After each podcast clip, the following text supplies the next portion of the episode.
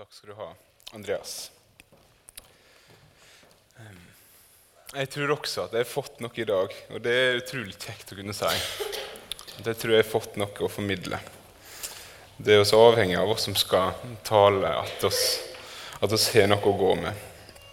Vi skal begynne med å lese teksten for søndagen, og da kan vi godt reise oss.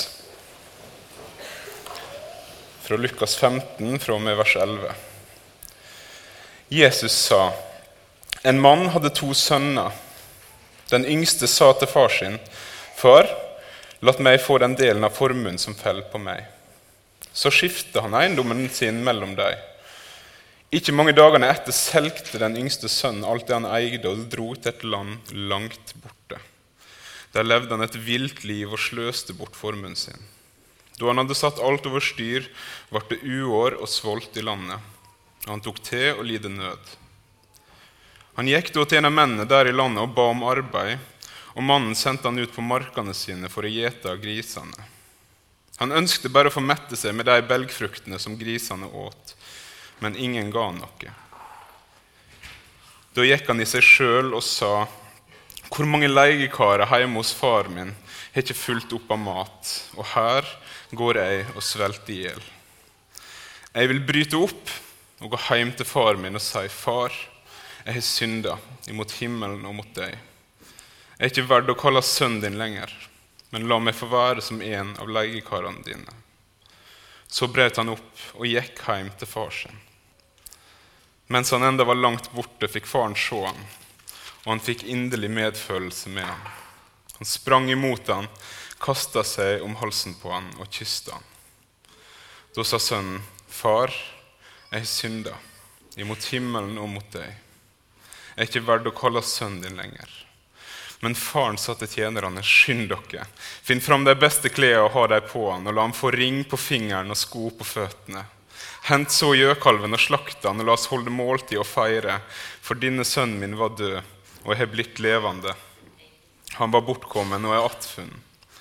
Og så tok festen og gleda til. Den eldste sønnen var ute på marka. Da han gikk hjemover og nærma seg gården, hørte han spel og dans. Han ropa på en av karene og spurte hva som sto på. Bror din er kommet, svarer han, og far din har slakta gjøkalven fordi han fikk han velberga hjem igjen. Da ble han sint og ville ikke gå inn. Far hans kom ut og prøvde å overtale han, men han svarer tilbake, nå har jeg tjent deg i alle år og aldri satt meg opp mot dine bud, men meg har du ikke gitt så mye som et kje, så jeg kunne holde fest sammen med vennene mine. Men når han kommer hjem, denne sønnen din, som har sløst bort pengene dine i lag med hore, da slakter du gjøkalven for han. Da sa faras, du er alltid hos meg, barnet mitt, og alt mitt er ditt. Men nå må vi holde fest og være glade. For dine bror din var død og har blitt levende. Han var bortkommen og er attfunnet. Kjære Jesus, Takk for ditt ord til oss. Takk at du taler til oss gjennom det. Takk at du vil vise oss hvem du er, at vi får bli kjent med deg. Takk at du eh, har gitt det til oss, at vi skal få lov til å forkynne det for hverandre. Så ber jeg, må du være til stede med din Hellige Ånd. Åpenbar deg for oss, vis deg for oss, Jesus. Far, hellige oss i sannheten. Ditt ord er sannhet. Amen.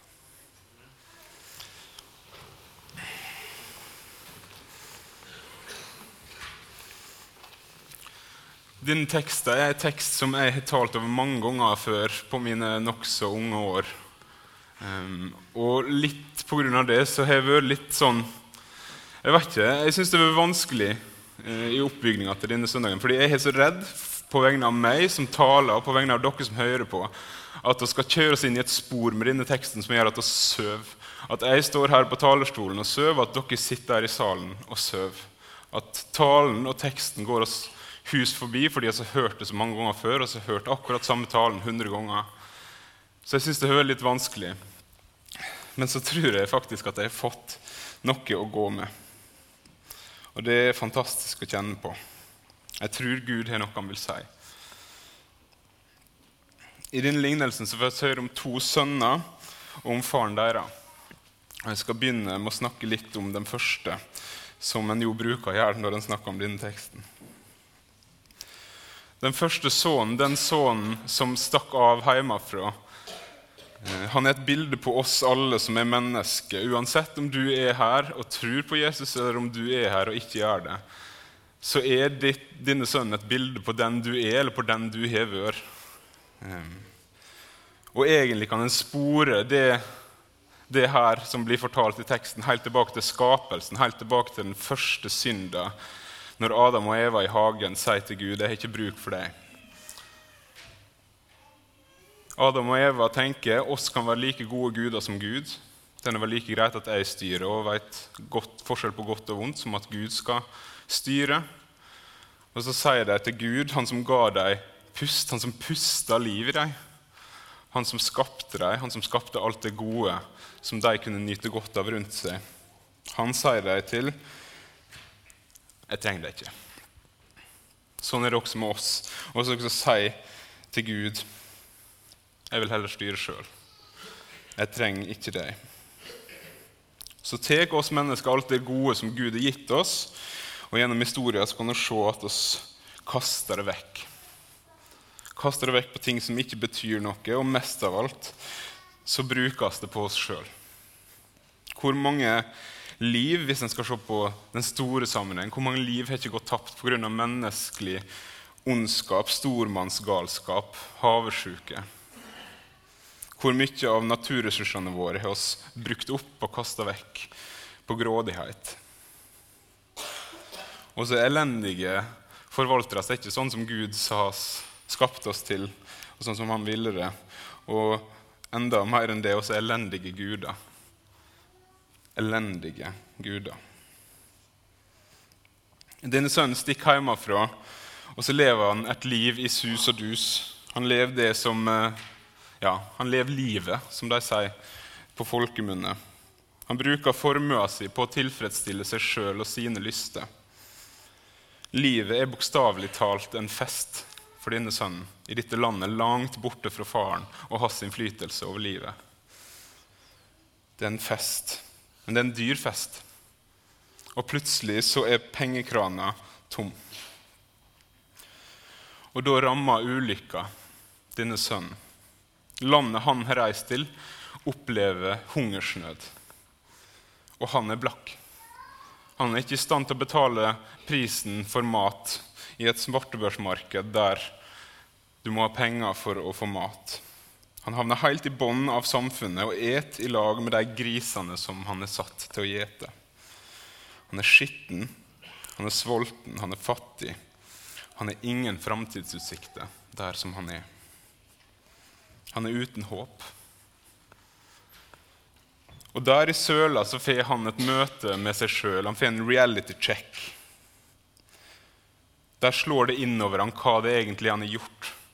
Hva det han har gjort opprør mot og reist ifra, og hvor det har ført han hen.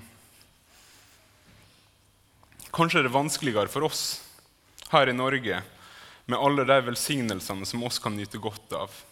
Vi er så rike og vi er så sjølforsynte at det kan hende oss ikke ser den nøden vi dypest sett er i.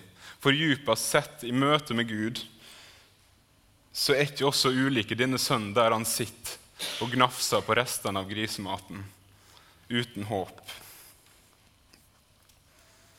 Så står det i teksten i min oversettelse at da gikk han i seg sjøl. I en annen oversettelse så står det da kom han til seg sjøl. Da kom han til seg sjøl, akkurat som om han har vært bevisstløs, men nå får han bevisstheten tilbake. Som om han har sovna bak rattet på bilen han kjørte, og så våkner han nå for å innse at han har krasja og er i grøfta. Og så sier han hvor godt er det ikke, alle de som er hjemme med far, alle som er hjemme med pappa. Og her sitter jeg. De har alt de trenger. Her sitter jeg alene i min nød. Nei. Jeg går hjem. Jeg går hjem og ber om tilgivelse. Kanskje jeg kan få en jobb på gården, så jeg får noe mer enn det her. i hvert fall. Og så sier han noe som er enormt viktig, og som vi ikke må gå glipp av i denne lignelsen som Jesus forteller. Han sier denne talen som han øver seg til å si til faren, men det viser en erkjennelse. Far, jeg har synda imot himmelen og mot deg. Jeg er ikke verdig til å kalles sønnen din lenger. Han har fått tilbake bevisstheten. Han har våkna.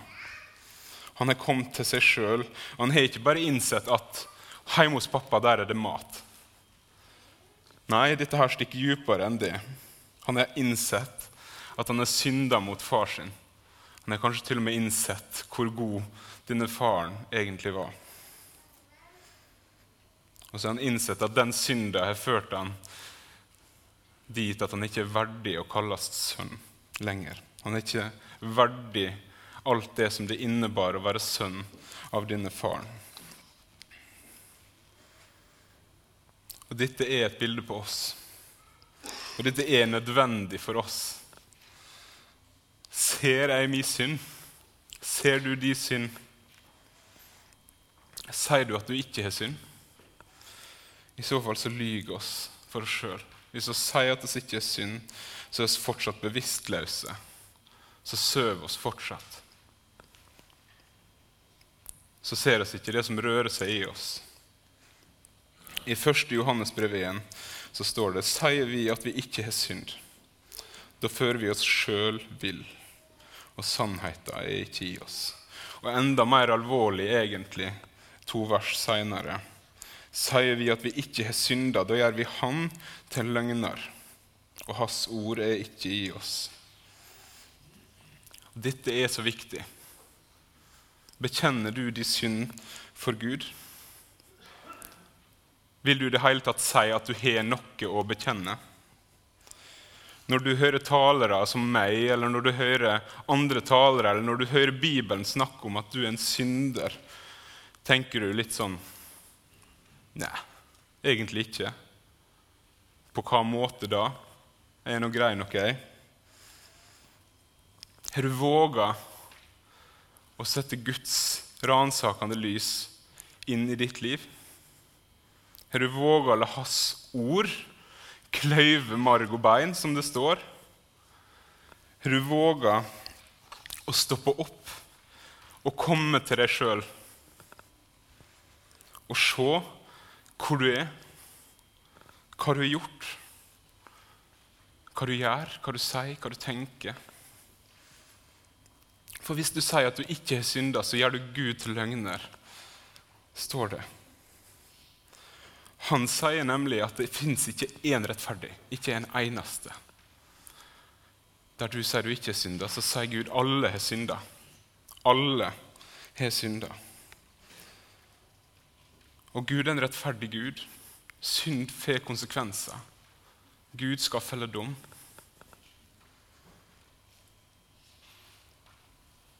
At synd får konsekvenser, det ser oss på Jesus. Jeg har hørt mange snakke om hvordan korset er plassen der Gud viser sin kjærlighet. At uh, Hvor høyt elsker Gud deg så høyt. Uh, og det er for så vidt sant. Det er der Gud viser sin kjærlighet. Men når Jesus henger på korset og dør, så er ikke det først og fremst en kjærlighetserklæring til deg. Altså, jeg mener, Hva slags kjærlighetserklæring er det? Hvis en skal overføre det på romantisk kjærlighet, da sier jeg 'jeg elsker ei jente' med en brennende iver, brennende kjærlighet, så da kaster jeg meg utfor et stup. Eller jeg kapper av med ene foten og sender den til henne i posten som en kjærlighetserklæring. Det gir ingen mening hvis en skal forstå korset først og fremst som en kjærlighetserklæring. Jesus måtte dø for at oss skulle gå fri. Han var vår stedfortreder på korset. Han måtte dø for at oss skulle kunne få fred med Gud. Han måtte dø for deg og for meg uten at Jesu blod rant, at det ikke var noen vei inn til far. Uten hans død hadde det ikke vært mulig for meg å være fri, å være Guds venn. Da hadde jeg fortsatt vært en fiende av Han. Elsker Gud oss? Ja, det gjør Han. Med en brennende og evig kjærlighet. Og den kjærligheten førte Jesus til korset. Men på korset så soner han de synd. Hvis du sier du ikke har synd, så døde Jesus forgjeves for deg.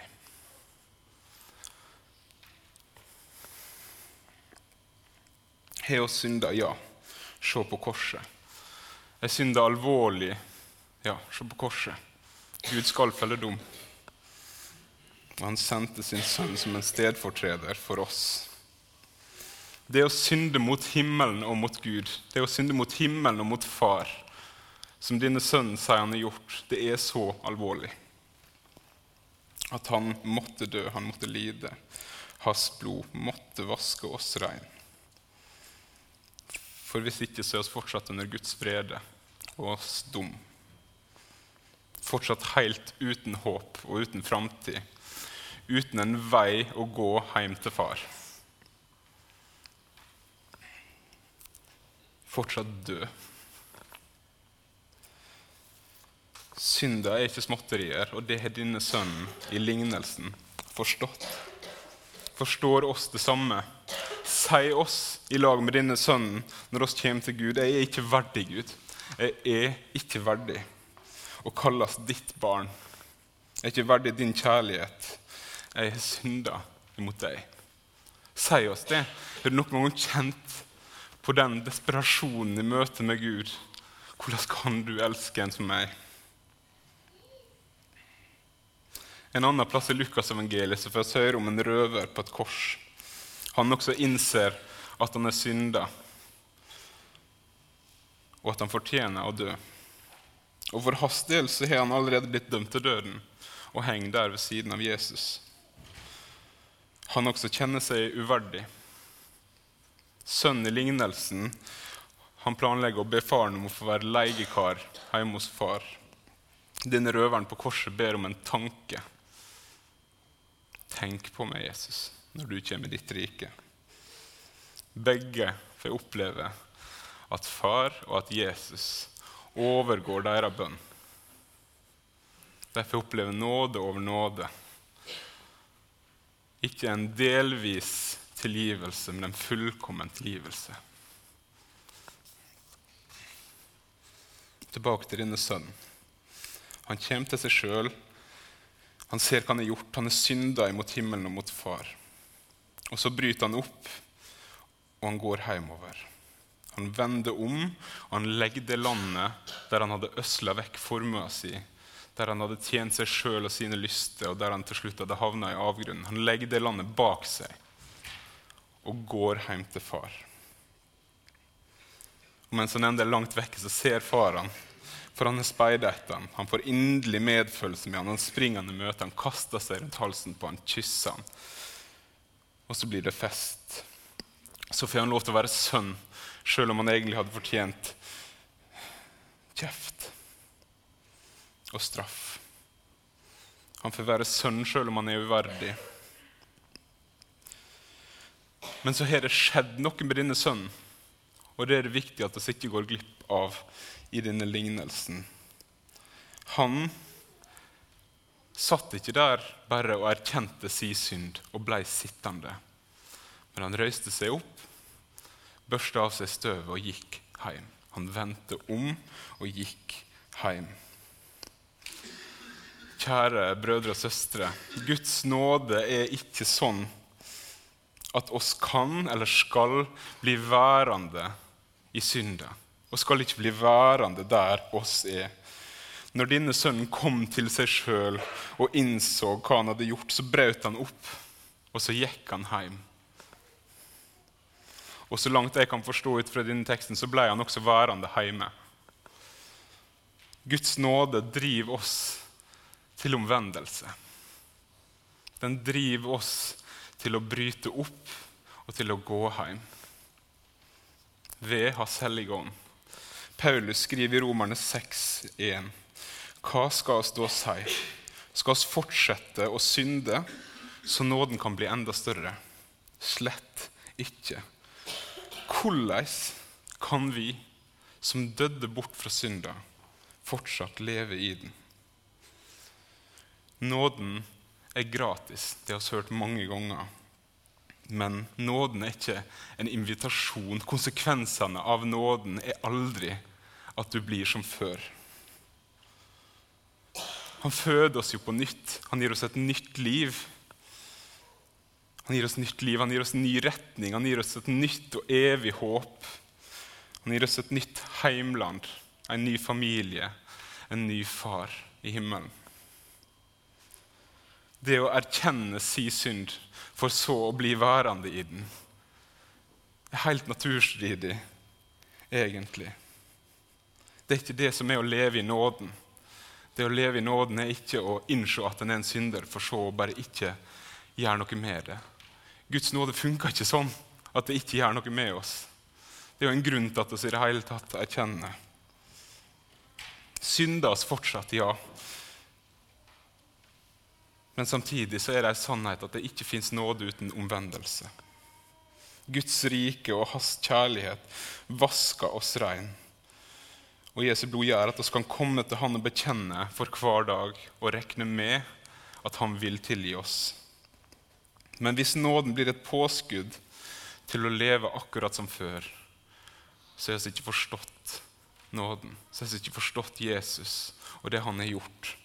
Det har vi ikke sett han som den han er. Guds nåde og hans kjærlighet den forvandler oss. Når vi bekjenner våre synder for Han, så tilgir Han oss, og så renser Han oss for all urett, står det i 1. Johannes brev. Og renser oss. Det skjer noe med oss når vi får se Hans nåde og Hans kjærlighet. Når vi får se det, så kommer vi til oss sjøl. Vi bryter opp, vi vender om, og så går hjem. Det skal skje noe med oss.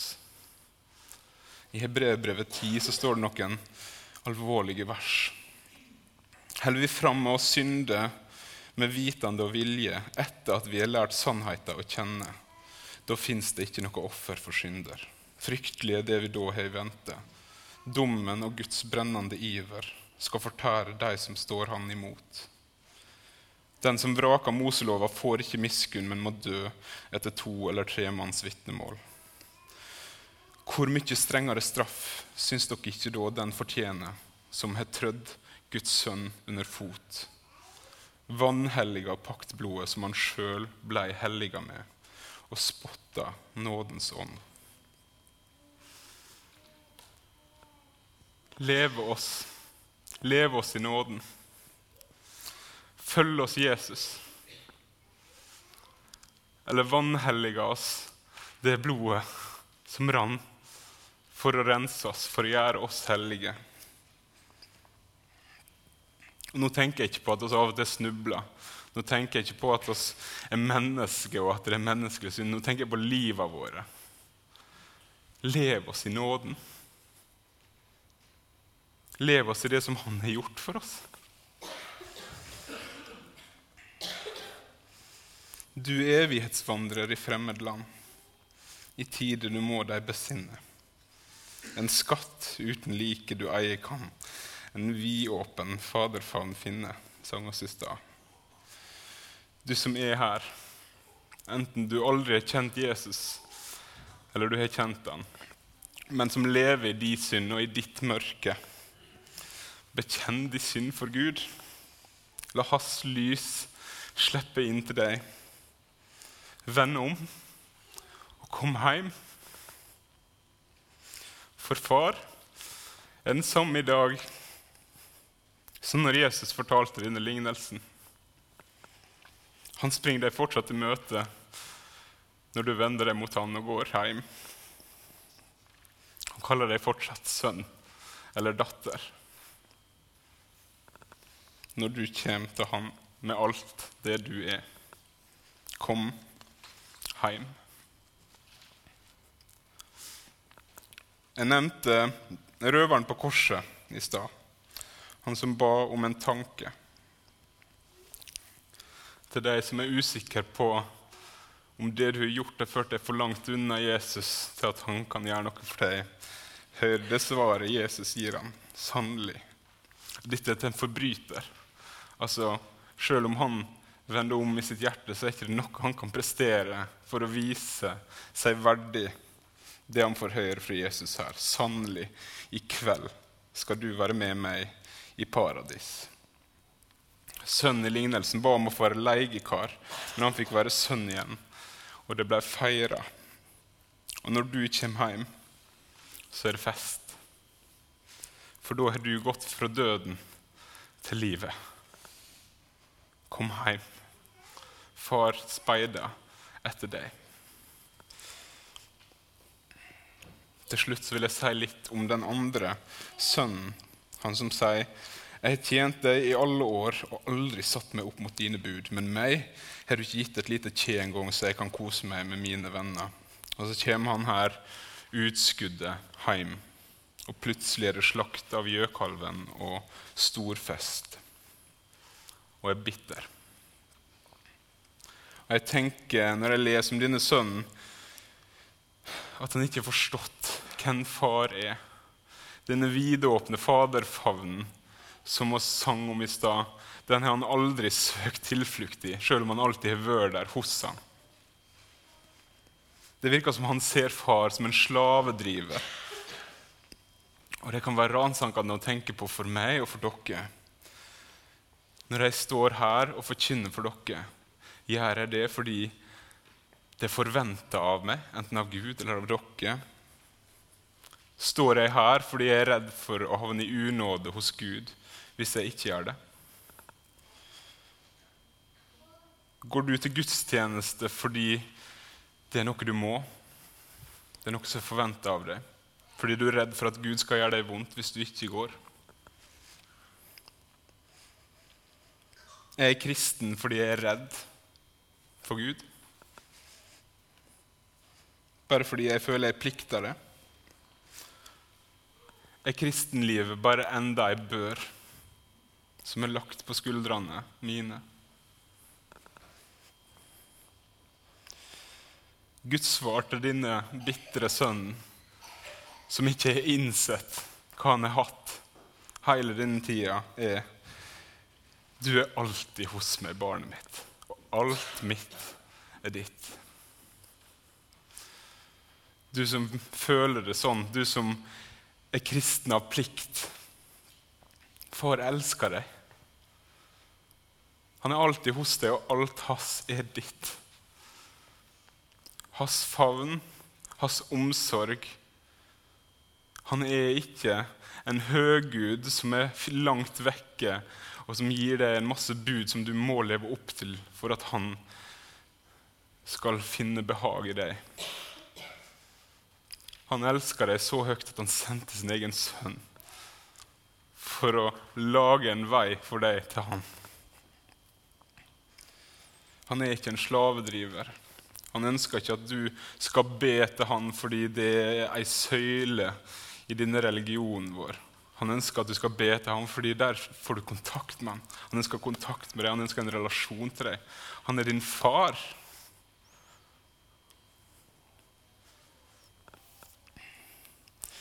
Du er alltid hos meg, barnet mitt, og alt mitt er ditt. Gud har gitt oss alt, søsken. Han har gitt oss alt. Livet oss har fått, jeg går over fra Han. Det å kunne be til Han, det å kunne ha en relasjon til Han, er gave fra Han. Og størst av alt frelsa gjennom Jesu blod er gave ifra Han. Gud kaller oss sine barn. Han elsker oss. Han elsker oss når vi taler Hans ord frimodig. Men han elsker oss også når vi er syke og slitne og ligger og ikke kan løfte en finger. Han elsker oss når vi tviler og når vi snubler, eller når vi går beint fram på veien, rakrygga og stolt. For Guds kjærlighet og nåde hviler ikke på at oss er tjenere for Han, eller på hvor sterk og overbevist trua mi er, eller på hvor mange jeg har vitna for i løpet av den siste veka. Guds nåde hviler ene og alene på det at Jesu blod har rønne for deg, og for meg. Det har rønne, Det er ferdig. Der hviler nåden. Han har vist oss sin kjærlighet ved at han sendte sin egen sønn. Ikke fordi han ville frelse mange tjenere, men fordi han ville frelse mange sønner og døtre. Og så vasker reine i hans blod, og det er nok. Gud vil ikke ha vår tjeneste ut ifra plikt og bud, fordi da har vi ikke sett ham. Da har vi ikke forstått hvem det han er. Men når jeg står her i dag, og når du tjener Gud og dine medmennesker i hverdagen, la det være fordi du kjenner far. La det være fordi du veit hvem han er, at han elsker deg. At han grep inn i vår håpløshet og sendte sin egen sønn. Fordi oss kjenner Jesus og veit at det var for oss han ofra seg sjøl. La det være fordi oss ønsker å følge etter han. Fordi oss ønsker å tjene han som frelste oss. Ikke av et hjerte som er tynga av plikt, men av et hjerte som fløymer over av takk og lovprisning til Gud. Helt til slutt. Apostlene sto for det høye rådet i Jerusalem og svarte dette når de ble bedt om å holde munn om det Jesus hadde gjort. Oss kan ikke la være å snakke om det vi har sett og hørt. Og Det sier de ikke fordi Gud er en mafiaboss som har kidnappa kona og ungen deres og sitter med en pistol mot hodet deres. Det sier de fordi de hadde sett hvem de var. Syndere som hadde bruk for ja, som trengte en frelser. Og så hadde de fått se Jesus som den han er, den allmektige Guds sønn, menneskesønn, som kom, som døde, som sto opp som elska, og som vil gi frelse og fred og evig liv, ikke bare til deg, men til alle. Derfor kunne de ikke annet enn tale om det de hadde sett og hørt. Og oss kan, som deg, gå rundt i verden og invitere bortkomne sønner, syndere, hjem. Vend om. Kom hjem til far. Oss veit veien. Oss veit veien til far. Oss veit veien til livet. Det er Jesus. Kom hjem. Kjære Jesus, takk for din store nåde. Takk for det du gjorde for oss. Ber om at vi må få se deg som den du er, Jesus, som den korsfesta oppstandende, Herre og Frelser som vann over døden, som sona all vår synd, og som har satt oss fri. Og så ber jeg, far, må du vise deg for oss. Vis oss de omsorg, så vi får lov til å leve i den og i din nåde. At vi kan fortjene deg av et takknemlig hjerte og ikke av plikt. Hold oss nær til deg. Eh, hjelp oss Eh, og hold oss hjemme. Når fristeren kommer og frister, må du vise oss hva som eier deg. Så ber jeg Jesus, er det noen som ikke kjenner deg her, må du kalle deg hjem. Må du kalle deg hjem til deg. I ditt gode navn, Jesus. Amen.